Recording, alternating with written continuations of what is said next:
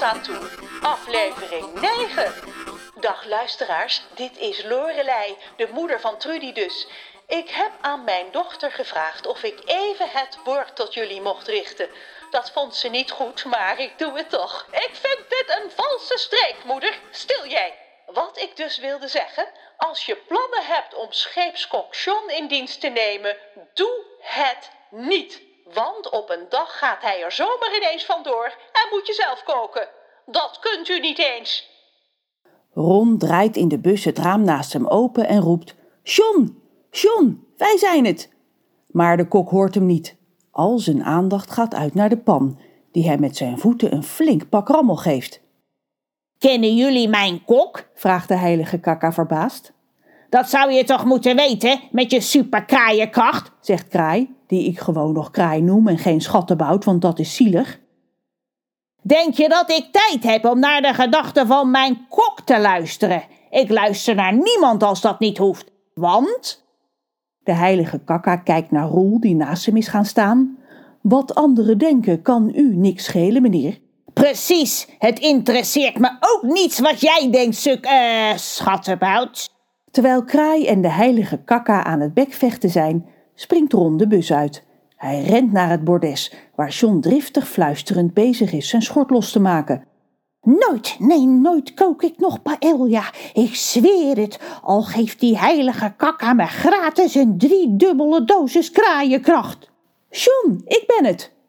De kok kijkt op. Als hij ziet wie voor hem staat, valt zijn mond open van verbazing. Wat, wat doe jij hier? Wat doen wij hier, zul je bedoelen, zegt Ron, terwijl hij naar de bus wijst.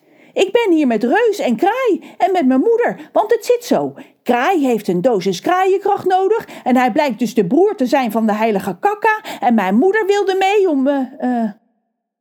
Ron stopt met ratelen, want hij beseft dat hij beter niet kan zeggen dat zijn moeder de heilige Kakka wil ontmaskeren als bedrieger. Oké, John staart nog altijd verbaasd naar de bus. Reus steekt zijn hand op en John zwaait aarzelend terug.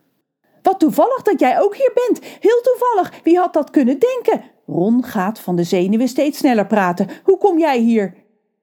Eh, ik was op cruise met Lorelei. Ja, en ik moest iedere dag bij Elja koken en daar kreeg ik genoeg van. Oh jee. Dus toen heb ik ontslag genomen en ben ik een andere baan gaan zoeken. En die vond ik hier bij de heilige kakka. Goh, wat leuk. Dat is helemaal niet leuk, want de heilige kakker wil ook altijd bij Ilja. Die is gewoon veel te lekker. Ach, wat, wat erg, John, stamelt Ron. Hij weet niet wat hij met de snikkende kok moet beginnen. Waarom staat die vent te janken? De heilige kakka vliegt naar het bordes. Roel draaft achter hem aan. Hij wil geen paella meer koken, zegt Ron. Nee, nooit meer. John snuit zijn neus in zijn schort. De heilige kakka kijkt John strak aan en zijn ogen lijken te gloeien. Eens even luisteren wat die kok allemaal in zijn hoofd haalt.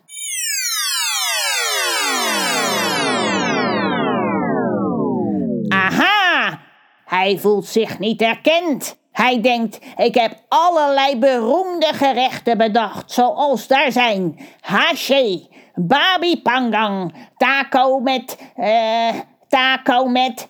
Je moet duidelijker articuleren als je denkt, dit kan ik niet verstaan. Taco met gok. Wat? Taco met gehakt. Hebba. Maar die kraai, denkt deze man, en daar bedoelt hij mij mee, wil alleen maar paella. U kunt ook eens wat anders bestellen. Hotdog, krip Suzette, omelet Siberian voor mijn part.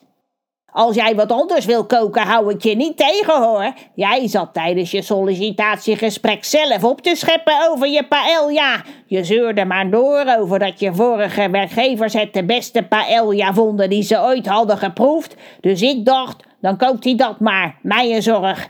Ik eet het liefst een witte boterham zonder korstjes en met niks erop. Dat is waar, krast Kraai, die zich met Reus en Rons moeder bij het gezelschap heeft aangesloten. Van al mijn 52 kinderen is Henk de moeilijkste eter, zei mijn moeder altijd. Ik ben geen moeilijke eter, ik lust alleen bijna niks, zegt de heilige kakka beledigd. Maar een kraai als ik moet nou eenmaal een kok hebben. Net zoals een butler en een zwembad met marmeren glijbaan. Dat wordt van mij verwacht. Heeft u mijn paella eigenlijk wel eens geproefd? Vraagt John met een betraand gezicht. Wel nee, Roel eet mijn bord altijd leeg. Maar dat mag hij pas doen als hij de korstjes van mijn bammetje heeft gesneden. Niet waar, Roel?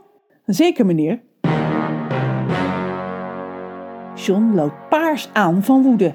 Wel alle bedorven oestjes met tenenkaasvoeten nog aan toe. Zit ik me daarvoor hele dagen in het zweet te werken voor een vogel die niet eens de moeite neemt om één hap te nemen van mijn kostelijke maaltijd? Kostelijke maaltijd, kostelijke maaltijd. Ik, de heilige kakka, bepaal wat kostelijk is. Als de heilige kakka een maaltijd niet kostelijk vindt, dan vindt niemand dat. Zeker zo'n magere kookneus als jij niet. Roel, eerlijk zeggen, vind jij de paella van deze stomkop lekker? Heb jij ooit met smaak ervan gegeten?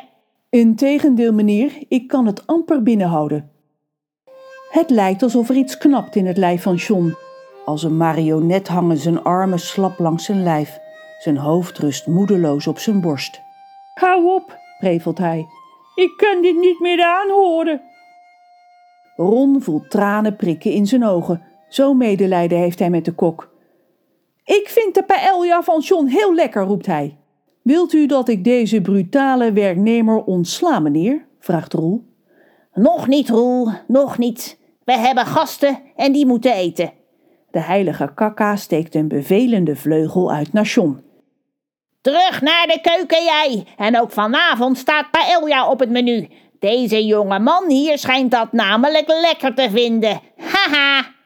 Ja, meneer, zucht John. Hij bukt met krakende knieën, raapt de pan moeizaam van het bordes en schokt naar binnen. Ron voelt zich schuldig, maar krijgt ook honger van het idee dat hij straks Johns paella voorgeschoteld krijgt.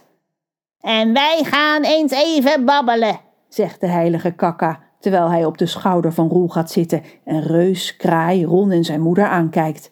Ik maak graag tijd voor een goed gesprek. Bijvoorbeeld met u, mevrouw. Rons moeder slaakt een gilletje van schrik.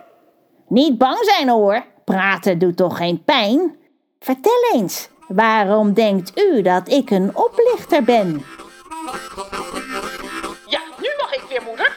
Hier is jullie eigen Trudy, mensen. Die heilige kakka is doodeng. Maar gelukkig is Reus in de buurt. Zo'n vogeltje kan niks beginnen tegen zo'n grote, sterke man als mijn verloofde. Dus ik kijk vol vertrouwen uit naar de volgende aflevering. Ron Willem Tattoo is geschreven en geproduceerd door Margot de Graaf.